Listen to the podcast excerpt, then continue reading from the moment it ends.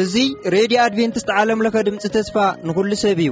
ሬድዮ ኣድቨንትስት ዓለምለኸ ኣብ ኣዲስ ኣበባ ካብ ዝርከብ እስትድዮ እናተዳለወ ዝቐርብ ፕሮግራም እዩ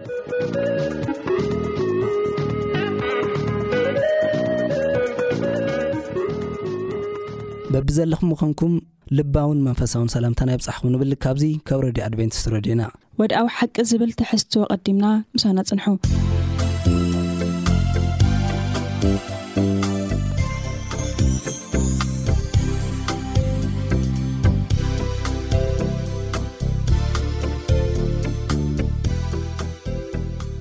ሰላም ሰላም ኣቦቦቱ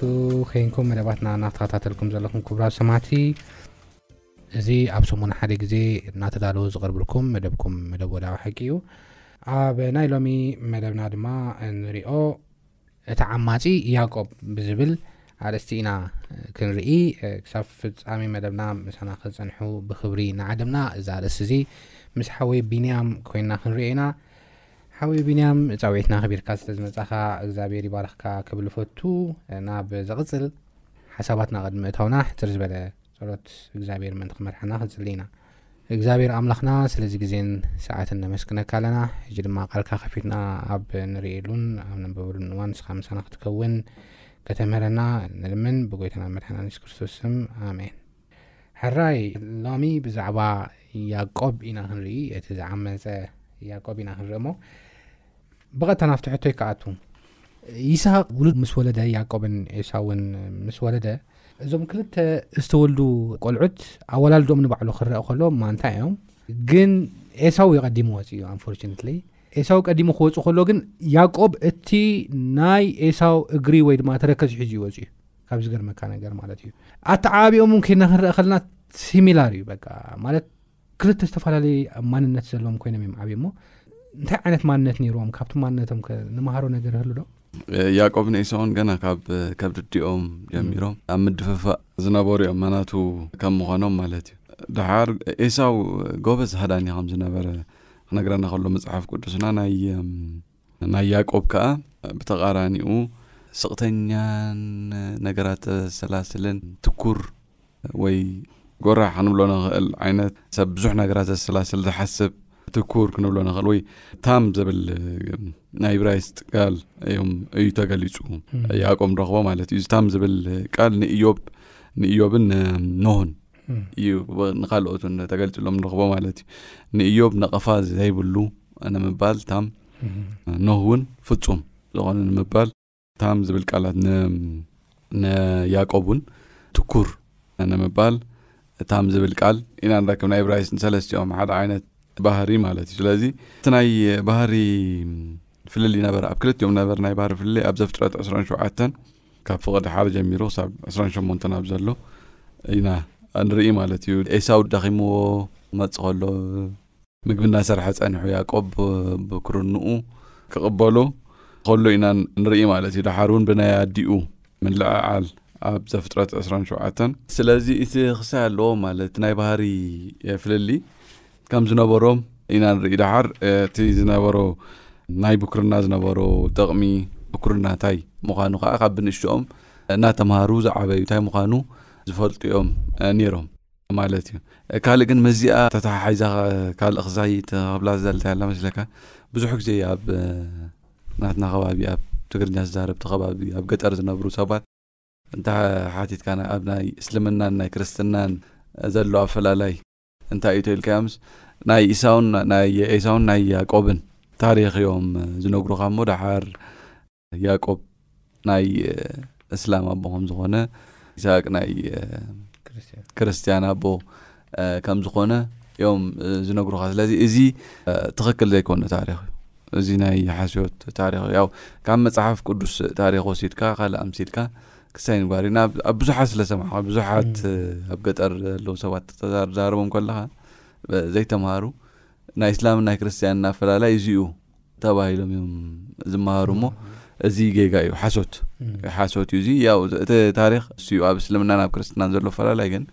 ካልእ እዩ እሱ ብካልእ ፕሮግራም ምናልባት እንዳሕር ትመፅዎ ኮንኩም ኣብኣ ከለኹ ተንክፋ ስለ ዝደለዋ ጎይታ ይባረኽካ ብጣዕሚ እዩ ዝገርም ከም ዝበልካዮ ያቆብ ዝኾነ ፅቡቕ ነገር ቫልዩ ዘለዎ ዋጋ ዘለዎ ነገር ከምኡ ውን በ ዘደንቕ ነገር ዝርኢ ትኩር ሰብ እዩ ነይሩ ግን እዚ ነገር እዚ እቲ ክረኽቦ ዝደሊ ኣተኲሩ ዝጥምቶ ነገር ግን ክረኽቦ ዝጽዕረሉ ዝነበረ መንገዲ ግን ጌጋ እዩ ነይሩ። ብምትላል፣ ብምስራቕ፣ ብምሕሳው እዩ ክረኽቦ ዝደሊ ነይሩ። እቲ ቫልዩ ዘለዎ ነገር ሲ እዎ ቫልዩ ኣለዎ እዩ ብርግጽ ብኹርና ዋጋ ኣለዎ እዩ ግን ብኸመይ መንገዲ እዩ ከይዱ ግን ህይወቱ ኣብ ስቓይ ብዘውድቕ እግዚኣብሔር ድማ ብዘይከብረሉ እዩ ረኺብዎ ማለት እዩ ብርግጽ ኤሳው ኣነ ቦኽሪ'የ፣ መን እዩ እሞ ክወስዶ ደልዩ ቦኽርናይ? ኣይመንትለኒ ኸምዚ ገይረ፣ ኢሉ ኸኣ ኣነዓዒቕዋ ኤሱ እታ ቦኽርንኡ። እሱ ግን ቃል እትዩ ቦኽርነትካ ሃበኒ፣ ኢሉ ቃል እትዩ እዎይ ቦኽርነ ስኢልካ ዘሎ በል ውሰዶ ውሰዶ ድላይካ ኢሉ ጥራሕ ምስር ሃበኒ ምግቢ ጥራሕ ሃበኒ ኢሉ ብምግቢ ከም ዝሸጠሉ እዚ ክቡር ዝኾነ ነገር ከም ዝሸጠሉ ኢና ንርኢ። ብኹርና ግን እንታይ ማለት ከም ዝኾነ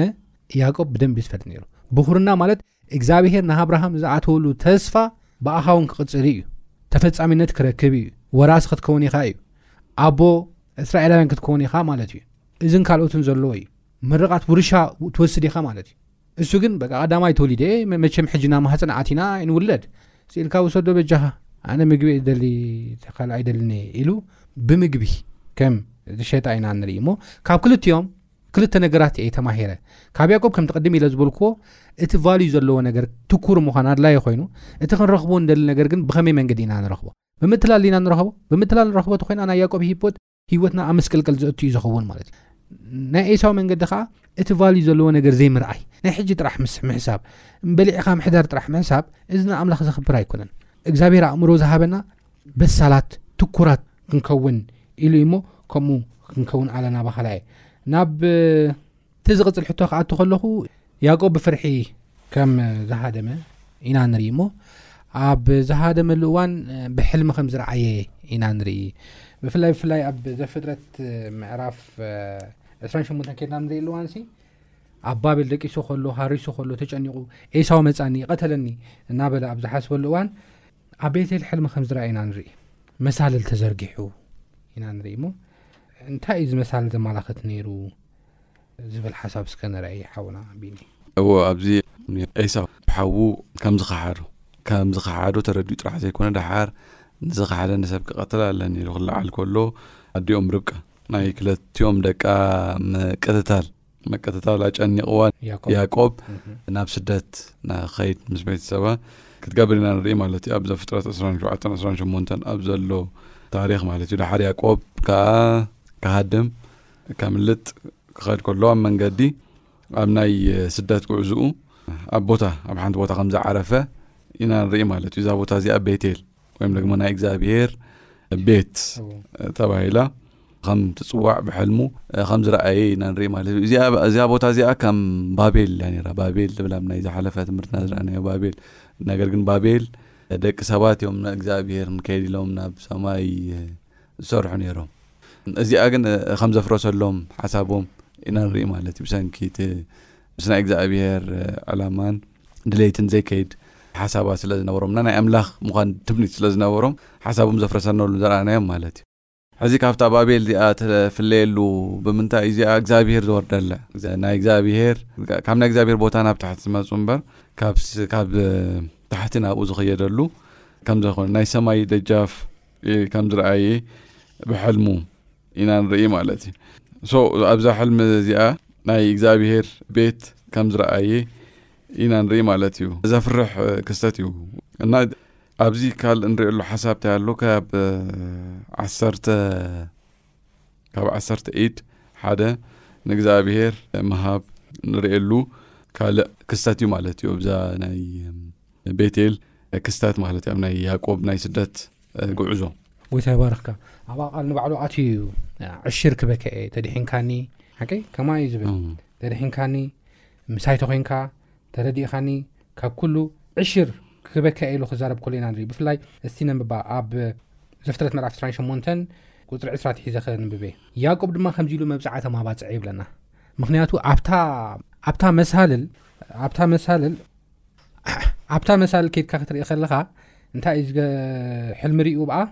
መልእኽቲ ኣምላኽ ይድይብሉን ይወርድሉን ነበሩ ይብለና መፅሓፍ ቅዱስ ኣብ እብራያን ምዕራፍ ሓደ ከና ንርኢ ኣለዋን መላእኽቲ ንደቂ ሰባት ክሕግዙን ከገልግሉን ዝወርዱ ከም ዝኾኑ ይዛረበና ክድግፍዎም ዝወርዱ ሰባት መላእኽቲ ከም ዝኾኑ ይዛረበናዩ ማለት እዩ ስለዚ ያቆብ ምስ ዝነበሮ ጭንቀት ምስ ዝነበሮ ሸክሚ እግዚኣብሄር ከም ዘፀናንዖ ካብ ሰማይ መልእኽቲ ርኢኹ ከም ዝድገፎ ምስኡ ከም ዝኸውን ድሌታቱ ድማ ከም ዘማልእ ኮንፊርሜሽን ከም ዝሃቦ ኢና ንርኢ ብርግፅ እዚ ምስ ራእየ ዓብ ምፅንናዕ ከም ዝረኸበ ኢና ንርኢ ንዑ ከዓ ኣብ ዘፍጥረት ምዕራፍ 28 ፍቅዲ 20 ያእቆብ ድማ ከምዚ ኢሉ መብጽዓ ተማባጽዐ፣ እግዚኣብሄር ምሳይ እንተ ዀነ፣ ኣብዛ ዝኸዳ ዘሎኹ መንገደይ እንተ ሓለወኒ፣ ዝበልዖ እንጌራን ዝኽደኖ ኽዳንን ድማ እንተ ሃበኒ፣ ናብ ቤት ኣቦይ ብደሓን እንተ ተመለስኩ፣ ሽዑ እግዚኣብሄር ኣምላኸይ ይኸውን፣ እዚ ሓወልቲ ገይረ ኣቝሜዮ ዘሎኹ እምኒ ኸኣ ኣብ ቤት ኣምላኽ ኪኸውን እዩ፣ ካብ እትህበኒ ዘበለ ዅሉ ዕሽር ክህበካ እየ ኢሉ ኪዛረብ ከሎ፣ ክማባጻዕ ከሎ ኢና ንርኢ ማለት እዩ። ስለዚ እቲ ትኽክለኛ መንገዲ፣ እግዚኣብሄር ዝኸብረሉ መንገዲ፣ ካብ ሰማይ ዝመጽእ መፍትሒ እዩ ንሰብ መፍትሒ ክህብ ዝኽእል እግዛብሄር እውን ዝሕጎሰሉ ማለት እዩ እቲ ካብ ምድሪ ዝመፅእ መፍትሒ ናብ ሰማይ ልክዕ ከም ባቢሎን ዝኸይድ መፍትሒ መፍትሒ ክኸውን ኣይክእልን እዩ ኣብ ሰናዖር ህንፃ እውን ኬድና ንሪእየሉ እዋን ንሰብ ኣብ ምብትታንን ኣብ ዘይምስምማዕን የእትዎም ካብ ሰማይ ዝመፀ መፍትሒ ግን ንያቆብ ምፅንናዕ ከም ዝሃቦ ተስፋ ከም ዝሃቦ ኣብ ፀልመቱ እዋን ብንእሽቱ ይገርመካ ብንእሽትኡ እዩ ያቆብ ገና ናይ ኣዲኡ ፍቕሪ ከይጸገበ እዩ ካብ ገዝኡ ወጺኡ ነዲኡ እናፈተዋ ኣዲኡ እናፈተወቶ እዩ ድሕሪኡ ተመሊሱ ንያ ነዲኡ ረኸባን ይገርመካ እዩ ዝሕዝን እዩ ስለዚ እግዚኣብሄር ግን ኩሉ ልብን ኮላትን ዝርዳእ ኣምላኽ ካብ ምዃኑ ዝተላዕለ ኣጆኻ ምሳኻ እየ መላእኽተይ እናለኣኽኩ ክሕግዘካ እየ ኢሉ ከም ዘማባፅዓሉ ኢና ንርኢ ማለት እዩ በዚ መልክዕ እዚ ድማ ያቆብ ዓብ ምፅናዕ ከም ዝረኸበ ኢና ንርኢ ማለት እዩ ናብቲ ዝቕፅል ሕቶይ ክኣቱ ሓውና ቢኒ ኣዝዩ ኣሸጋሪ እዩ። እቲ ኣታሊሉ ዝኸደ፣ ኣታሊሉ ብኹርንኡን ምርቓቱን ዝወሰደ ያእቆብ፣ ግዜኡ በጺሐ ከታልል ከሎ ከኣ ንርእ ማለት እዩ። ግዜኡ በጺሐ ከታልል ከሎ ኣታላላ ካብኡ ዝበለጸ ኣታላ ኣታላለ ክገጥሞ ከሎ ኢና ንርኢ ማለት እዩ እሞ እንታይ እዩ እታሊልዎ ላባን እንታይ እዩ ገይርዎ ካብኡ ከ እንታይ ኢና ንመሃር ቢና ሓወ እንታይ ኢና ንርኢ እዚ ዘፍጠር ምዕራፍ 19 ካብ ሓደ እስካብ 30 ኣብ ዘሎ ላባ ንያቆብ ከታልሎ ከሎ ኢና ንርኢ ማለት እዩ እዞም ናይ ፍልስፍና ህንድ ፍልስፍና ካርማ ዝብልዋ ነገር ሓሳ እንድሓር ንስኻ ዝኾነ ፅቡቅ ነገር ጌርካ ድሓር እውን ፀኒሕኻ ፅቡቅ ነገር ገጥመካ እያ ድሓር ንስኻ ሕማቅ ነገር ጌርካ ሕማቅ ነገር ፀኒሓ ፀንሓካ እያ ዝብል ነገር ክኸውን ከሉ ኢና ኢድ ሸናሒት ፀናሒት እውን ኢድ ይበሃል ሸናሒት ፀናሒት ዝበሃል ይበሃል። ብናትና ባህላ እውን እ፣ ብትኽክል ንርእየሉ ማለት እዩ ስለዚ ካብ ካልእ ዝመፀ ኣይኮነን እዚ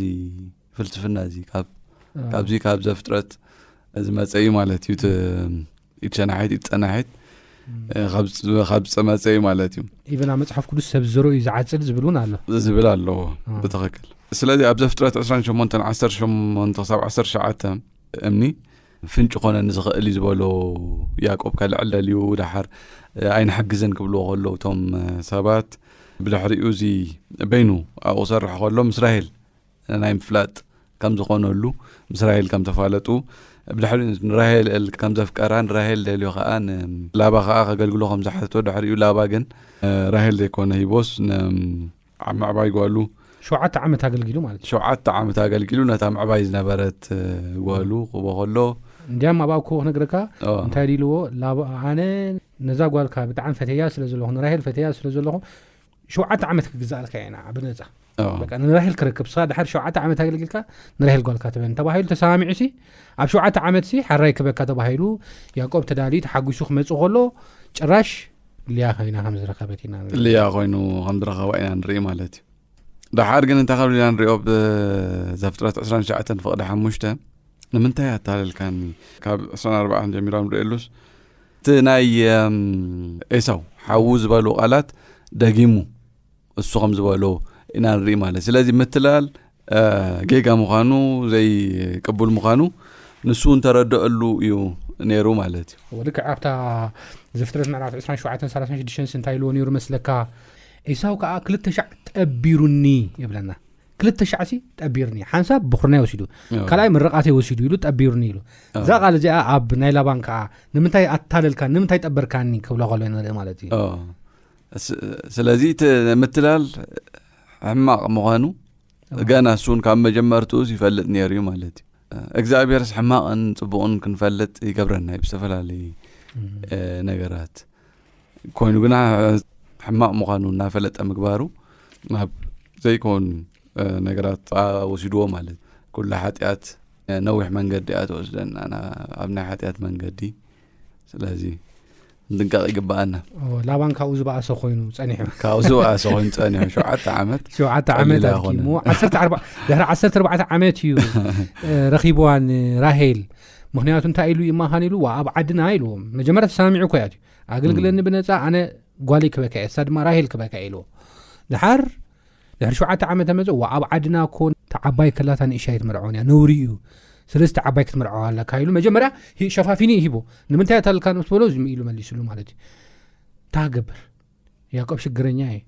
ኣይወፅእ ኣይኣቱ ካልኣይ ድማ ንራሄል ይፈትዋ ነይሩ እዩ እንደገና ንራሄል ኢሉ እንደገና ሸውዓተ ዓመት ከም ተገዘ ኢና ንር- ንርኢ ማለት እዩ ኣዎ። ብዝኾነ ግን እግዚኣብሄር ኣብታ ቤትኤል ዝኣተወሉ ቃል ታመሳል ዘርኣዮ ነገር ኣነ ብጣዕሚ እዩ ዝገርመኒ ቢና ሓወይ ምናልባት ናብታ ቀፃሊ ትሕቶ እያ ትወስደና ኣይገደፎን እታ መብፃዕሲ ገይሩሉ እዩ ካብ መላእኽቲ ሲኒ ልኢኽ እንታይ ክገብረካ እየ ሕቶታትካ ሒዞም ናባይ ዝመፁ መልሲ ድማ ሒዞም ናባኻ ዝወርዱ መላእኽቲ ሲ ዝድግፉኻስ ክበካ እዩ ብዝበሎ መሰረት ሂብዎ እዩ ከምዚ ኢሉ ብላባን እኳ እንተተጠበረ እግዚኣብሄር ኣይሓደጎን እሞ ብርግፅ እኮ ተርእናዮ እውን ሓሳብ ያቆብ ኣታሊሉ እዩ ጠቢርዎ እዩ ናይ ሎማ ርእስና እውን ያቆብ እቲ ጠባሪ ዝብል እያ ርእስና ያቆብ እቲ ጠባሪ ጠቢርዎ እዩ ኣታሊልዎ ብምትላል እዩ በረከቱን ብክርኑን ወሲድዎ ኮይዱ ድሓር ግን ሓዚኑ እዩ ብምውሳዱ ሪፔንት ገይሩ እዩ ኣብ ቅድሚ እግዚኣብሄር ጉሂ በኪ እዩ ሓጢኣት ትሕቲ ሕቲ ሓጢኣት ናይ ባዕላ ዝኾነ ሳዕቤን ስለ ዘሎዋ ኣብ ህይወት እናተኸተለት ስቓይ ተብልዖ ከም ዝነበረት ኣብ ፍርሕን ኣብ ወጽመድን እትያቶ ከም ዝነበረት ነታ ዝፍትዋ ኣዲኡ እኳ መሊሱ ከይረኣያ ክትመውትን ክፈላለዩን ከም ዝኸኣሉ እዩ ዝነገረና ማለት እዩ መጽሓፍ ቅዱስ እሞ እዚ እኳ ተኾነ ናይ እግዚኣብሔር መብጽዓ ግን ንያዕቆብ ብኸመይ እዩ ተፈጺሙሉ ዝብል እስኪ ንርአ ሓውና ቢኒ ሓወይ እግዚኣብሔር ኣብዚ ናይ ቤተሰብ ምብራኽ ዝብል ታሪክ ካብ ዘፍጥረት 25 ምዕራፍ 25 ክሳብ 35 ኣብ ዘሎ ናይ ያቆብ ናይ ታሪኩ ሕመረት ክንብሎ ንኽእል ቦተም እግዚኣብሄር ክሳዕ ክንደይ ዓቃል ምኳኑ ክሳዕ ክንደይ ንሕድሕድና ዝጭነቕ እግዚኣብሄር ምኳኑን ኢና ንርኢ ማለት እዩ ሓደ ሓደ ግዜ ናይ ሓደ ሓደና ሓጎስን ሓፍሓፍ ምባል ንካልኦት ሓዘን ንኸይኸውን ዝጥንቀቕ እግዚኣብሄር ከም ዘሎ ንርእየሉ ኢና ኣብዘን ክልተ ኣሕዋት ልያን ራሄልን ዘሎ ኣብ ንርእየሉ ሕጂ ልያ በቃ ኣቦኣ ሂብዋ ንያቆብ ኣቦኣ ሂብዋ ኮይኑ ግና እሱ ዘፍቅራ ይነበረትን ያቆብ ዘፍቅራ ሰበይቲ ነበረትን ንራሄል ዘፍቅር ነይሩ ሕጂ ኣብዚ ኣብ መንጎ ክልቲኤን ዝነበረ ፈላልያ ሪኢኻ እቲኣ ናይ ፍቅሪ ሰብኣያ ክትረክብ ከላ እግዚኣብሄር ግን ንልያ ማህፀና ከፍት ከሎ ንርኢ ማለት ራሄል ከዓ ያው ናይ ሰብኣያ ፍቅሪ መፀናንዕ ኣለዋ ማለት እቲ ናይ እግዚኣብሄር ባላንስ ምግባር እቲ ሚዛን ምሕላው ንርኢ ማለት እዩ ካብኡ እዞም ካብ ልያ ዝውለዱ ንርኢ ድሓር ድሕሪ ግዜ እውን ራሄል እውን ብኡ ሓፊራ ክትነብር ኣይገብራን ከም ናይ ልያ ማህፀን ከም ዝኸፈተ እግዚኣብሔር ናይ ራሄል ማህፀን እውን ክኸፍት ንርኢ ኢና ማለት እዩ ኣብዞም ዝግበሩ ኩነታት ማእኸል ንሪኦም ነገራት ስሕተታት ክኾኑ ዋላ እንተኸኣሉ ክሕተታት ክንብሎም ንኽእል ነገራት ዋላ እንተሃለዉ ግን ግን እግዚኣብሔር ዝበሉና ኣብርሃም ዓብዪ ዘርኢ ክገብረካ እዩ ህዝቢ ክገብረካ እዩ ንዝበሎ ተስፋ ጥቀመሎም ከሎ ንርኢና ማለት እዩ እና ሰፊሕ ብቤተሰብ ክባርኾም ከሎ ብዙሓት ቆልዑ ክህልዎ ከለዉ ንርኢ ኢና መጨረሻ እውን ካብ ዘፍቅራ ራሄል ክልተ ቆልዑ ክረክብ ከሎ ንርኢ ኢና ማለት እዩ ስለዚ ዋላ ስሕተት ተኾነ ግን እግዚኣብሔር ናይ ኣብርሃም ዘርኢ ቤተሰብ ክባረኽ ገይሩ ማለት እዩ። ብጣዕሚ ብፍላይ ኣብዚ ናይ ልያ ደቂ ኬና ክንርኢ ከለና ሲ ናይ እግዚኣብሔር ምጽንናዕ ከመይ ገይሩ ከም ዘጸናንዐን ዝባርኸን ዘርኢ እዩ። ሕድሕድ ውላድ ክትወልድ ከላ ልያ ምስ ትርጉም እያ ተውፅኦ ነይራ። ቀዳማይ ሮቤል እዩ በኹሩ ነይሩ። ሮቤል ምስ ወለደት እንታይ ኢሉ ብሰብኣይ ዘይፍቶ ዝነበርኩ ሰብ ንክረአ ንኽፍቶ ጌርኒ እሞ እግዚኣብሄር ርኢኒ እዩ ብምባል እያ ሮቤል ኢላቶ ብጣዕሚ ደስ ዝብል ሓሳብ እዩ ድሓር እንደገና ወሊዳ ልያ ብእግዚኣብሄር ተሰሚዐ እየ እሞ ኢላ ከዓ እንደገና ስምዖን ክትብሎ ከላ ኢና ንርኢ ማለት እዩ መልሻ ቀፂላ ይሁዳ ምስ ወለደት ድማ እግዛብሄር ከም ዘመስገነት ክብሪ ንኣምላኽ ከም ዝሃበት ኢና ንርኢ ማለት እዩ ከም ዝበልካዮ ራሃይል መኻን እኳ እንተነበረት ብሰብኣያ ኣዝያ ትፍቶ እያ ነራ ሰብኣያ ብጣዕሚ እዩ ዘፍቅራ ነይሩ ግን እግዚኣብሄር ምኻን ያሉ ናይ ሓደጋን ውላድ ከም ዝሃባ ኢና ንርኢ መን ዝብል ዮሴፍ ዮሴፍ ድማ እንታይ ማለት እዩ ነቐፌታይ ውርደተይ እግዚኣብሄር ካባይ ቀንጢጡ እዩ እሞ ዮሴፍ ክፍሉ እየ ኢላ ከም ተዛረበት ኢና ንሪኢ ኣነ ዮሴፍ ዝብል ስምን እቲ ዮሴፍ ባዕሉ ስነ ምግባሩን ብጣዕሚ እዩ ዝፈቱ ናይ ዮሴፍ ታሪክ ነቐፌታይ ሰብ እዚኣ መኻንያ ዝብለኒ ዝነበረ ዝብለኒ ዝነበረ ነገር ኩሉ እግዚኣብሄር ካባይ ቅንጥጥ ኣቢሉ ናብ ጓሓፊ እትይዎ እሞ ዮሴፍ ክብሎ ኤላ ከም ዝተዛረበት ኢና ንርኢ ብጣዕሚ እግዚኣብሄር ይመስገን በዚ መልክዕ እዚ ድማ እግዚኣብሄር ንያቆብ ከም ዝባረኾ ብውላድ ከም ዝባረኾ እዚኦም ጥራሕ ኣይኮኑ ወሊዱ ያቆብ ወሊዱ እዩ ብዙሓት ዓሰርተ ክልተ ወዳት ሓንቲ ጓል ወሊዱ እዩ እሞ በዚ መልክዕ እዚ እግዚኣብሄር ብውላድ ባሪኹ ብውላድ ጥራሕ ኣይኮነን ብንብረት እውን ባሪኽዎ እዩ ብንብረት ባሪኽዎ እዩ ተስፍኡ ፈፂሙ እዩ ኣብታ ቤተ ኤል ዘረኣዮ ነገር ተስፍኡ ፈፂሙ እዩ ኩላ ንብረት ናይ ላባ በዝቢዙ በጊዑ ባዶ ኢዱ ኣትዩሲ ሃፍታም ኮይኑ ይወፅዩ ሃፍታም እሞ ከዓ ባርያ ኮዩ ሰራሕተኛ ሃፍታም ኮይኑ ይወፅዩ እሞ እግዚኣብሔር ኣዝዩ በነስቲ ብውላት ብእኽላም ብከብትታት በዚ እንታይ ዝበሃል እንስሳታት ብኡታትን ብካልኦትን ኣዝዩ ከም ዝባረኾ ኢና ንርኢ እሞ እግዚኣብሔር ይባረኽ እዩ ዝብል ሓሳብ ኣሎኒ ማለት እዩ ናብቲ ናይ መወዳእታ ሕቶ ንምፃእ ያጎብ ዕድመ ደፊኡ እዩ ተባሪኹ እዩ ካሂድ ኢሉ ንላባ ክዛረበ ከሎ ኢና ንርኢ ማለት እዩ ናይ ላባን መልሲ እንታይ ነይሩ ዚ ብቐሊሉ ዶ ለቒቕዎ? ላባን ከም ዝበልናዮ ልያቆብ ጠባሪ እዩ ነይሩ፣ ሓያል ሰብ እዩ ነይሩ፣ ቤተሰቡ እኳ ተኾነ፣ ነገር ግን መልሓሱ መዓር ውሽጡ ግን ኣሸጋሪ ሰብ እዩ ነይሩ እሞ ክኸይድ እየ ምስ በሉ ናይ ላባ መላሽ እንታይ ነይሩ? ናይ ያቆብ እንዳ ላባ ገዲፍካ ምኻድከ ከመይ እዩ ገሊፅዎ ዘሎ መፅሓፍ ቅዱስ? ኣብዚ እንታይ ኢና ንርኢ? ዘታለለ ያቆብ ነገር ግን ንላባን ብእምነት ዘገልገሉ ንርኢ ማለት እዩ ስለዚ ንዓሰርተ ኣርባዕተ ዓመታት ንላባ እሺ እንዳበለ ከገልግል ከሎ ከምዚ ዓይነት ባህሪ ዝነበረ ሰብ ተመሊሱ ዋላ እንዳታለሎ ምዃኑ እንዳፈለጠ ተቐቢሉ ተቐቢሉ ምትላሉ ኣሚኑ ድጋሚ ምቕባሉ ብእምነት ከም ተለወጠ ኢና ንርኢ ማለት እዩ ናይ ያቆብ ህይወት እግዚኣብሄር ብመንገዲ ከም ዘምሃሮ ብእምነት እውን ከም ዝመለሶ ያዕቆብ ንርኢ ማለት እዩ ገዝኡ ንብዙሕ ዓመታት ርሐቑ ዝፀንሐ ያዕቆብ ከምዚ ዓይነት ነዊሕ ዕድመ ካብ ገዛ ይርሓቐ ክፀኒሐ ኢሉ ዘይሓሰበ ሓጂ ናብ ቤተሰቡ ንምምላስ ምሕሳቡ ዓብዪ ነገር ነይሩ ማለት እዩ ደሓር እውን ያዕቆብ ክምለስ ከሎ ኢና ንርኢ ማለት እዩ ብመንእሰይነቱ ዝወፅ ሰብ እዩ ኣሪጉ እዩ ባዕሉ ኣሪጉ እዩ ዓብዩ እዩ ደቂ ውሉዳት ርእዩ እዩ ደቂ ደቁ እውን ከይረኣየ ይተርፍን እዩ በዓል ሮቤል ከይወለዱ ይተርፉን እዮም ብርግፅ እሞ ብዙሓት ባሮት ኣፍሪ እዩ ብዙሓት ሃብቲ ፍሪ እዩ እሞ ግን እቲ ሓደ ተሪፎ ዝነበረ ሓዉ ተፃሊእኻ ምንባር ኩሉ ግዜ ኣብ ፍርሒ ኮንካ ምንባር ተፈላለኻ ምንባር ኣዝዩ ስልቹ እዩ ከቢድ እኮ እዩ ድሓር ነቲ ሓዉ ክረኽቦ ከም ዝኽእል ኢና ንርኢ እዚ ንዕኡ ንምርካብ ዓመታት እኳ ተሓለፈ ቀሊል ግን ኣይነበረን ያቆ ከድካ ሓቂፍካ ንምርካብ ሓወይ ይቕሬታ ምባል ቀሊል ኣይነበረን ከቢድ እዩ ነይሩ እሞ በዚ መልክዕ እዚ ከይድና ክንሪኦ ከለና ፀልዩ ብፍርሓት መጀመርያ ቤተሰቡ ታሪክ ክንሪኦ ከለና መጀመርያ ቤተሰቡ ርኢኹ ሓወካ ይመፅእ ኣሎ ሰላም ክፍለካ ምስ በሉ ዝኩሉ ዓመታት ሓሊፉ ዓመታት ጥራሕ ይኩን ዓሰርተታት ዓመታት ሓሊፉ ንባዕሉ እታ ዝበደላ በደል ግን ኣብ ውሽጢ እያ ነራ ኣነ ኮ ብጣዕሚ እዩ ዝገርመኒ እታ ዝሰርሓ በደል ብህፃንነቱ ብመንእሰይነቱ ዝሰርሓ በደል ኣብ ውሽጢ እያ ነራ ምንባር ጥራሕ ኣይኮነን ኤሳው ሎሚ ሎሚ መፅኡ ክቀትለኒ እዩ ትብል ሓሳቡ ነራ ብጣዕሚ እዩ ዝገርም በደል ክሳብ ክንደይናይ ሓጢኣት ተደይተናዚዝናዮ ክሳብ ክንደይናይ ተፅዕኖ ኣብ ሂወትና ከም ዝፈጥር ከም ዘማህመነና ዘርኢ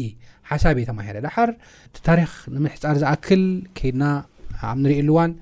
ያቆብ ሸውዓተ ግዜ እዩ ሰጊድሉ ኤሳው ሰላም ክብል ሸውዓተ ግዜ እዩ ሰጊድሉ ኤሳው ግን እግዚኣብሔር ይሃቦ ረሲዕዎ በቃ ናይ እንጀራ ሰብ እዩ ነይሩ ጀርኡ ዝምእርር ሃዳና እዩ ነይሩ ናሃደነ ዝበልዕ ነይሩ ረሲዕዎ እዩ ነይሩ ሓቒፉ ከም ዝተቐበሎ እቲ ቂምታን እቲ ዝበደሎ በደልን በዚ ነገር እዚ ከም ዝፈራረሰ ኢና ንርኢ ማለት እዩ እሞ ስለዚ እንታይ ኢና ክንገብር ዘለና ትኩራት ክንከውን ኣለና እቲ ንደልየ ነገር ግን ብምኸመይ ኢና ንረኽቦ ብምትላልና ንረኽቦ ብዓመፅ ብጠባርነት ጠቢርና እና ክንረኽቦ ንደሊ ወይስ ብሓቂ ዝብል ሓሳብ ኣዝያ ወሳኒት ነጥቢያ ናይ ሎማዓንቲ ማለት እዩ ከም ያቆብ ጠቢርና ክንረከብ እንተ ንደሊ ኮይና ኣብ ሓደጋን ኣብ ሽግርን ዘልኣለም እውን ኣብ ስቃይን ከም ንሕልፍ ንሱ ጥራሕ ዘይኮነ ሰብ ዘሮ እዩ ዝዓፅድ ከም ንበሃል እታ ዝዘረኣናዮን ብካልእ ኣብ ሂወትና ከም ንዓፅዳ ክንፈለጥ ንክእል ኣለና ሞ ካብዚ ኩሉ ኮለል ብሓቂ ኩሉ ግዜ ክንነብር እቲ ንደልዮ ነገር ድማ ብሓቂ ክንረክብ እዩ ዝግባኣና ዝብል ትምህርቲ ረኪበ ሓወይ ቢንያ ሓጢኣታት ኩሉ ግዜ ነዊሕ መንገዲ ኦም ዝኸዱ እቲ ሕመቕ ሒዞም ነዊሕ መንገዲ እዮም ዝኸዱ ንዓመታት እዮም ዝፀኑ ሓንቲ ንእሽተይ ሰራሕንያ ሓጢኣት ነዊሕ መንገዲ እያ ሒዛትና ኣብ ሕመቕ ዓዘቕቲ ነዊሕ መንገዲ እያ ሒዛትና ትኸይድ ስለዚ ጥንቀቕ ኣለና ብጣዕሚ እግዚኣብሔር ይባርክካ ሓውና ቢንያም ምናልባት እዛ ሓጢኣታት ክብል ከሎ ምናልባት ኣና ከምተረዳእኹዋ እምነት ምጉዳል እምነት ናይ ምጉዳል እግዚኣብሔር እምነት ምጉዳል ናይ እግዚኣብሔር እምነት ምጉዳል ናይ ሰባት ኣዎ፣ ሓጢኣት ሰባት ምስራሕ፣ ምትላል እሙን ዘይሞ- ዘይምዃን ሰባት ምትላል ማለትካ እዩ ጎይታ ይባርኽካ ስለዚ ክቡራት ሰማዕትና ኣብ ዝነበረና መደብ ከም ተባረኽኩም ተስፋ ንገብር ንዘለኩም ሕቶ ወይ ርእቶ በቲ ልሙድ ኣድራሻና ናብ ዓለም ለኸ ኣድቨንስ ሬድዮ ድምፂ ተስፋ ንኩሉ ሰብ ቁፅሪ ሳፅን ፖስታና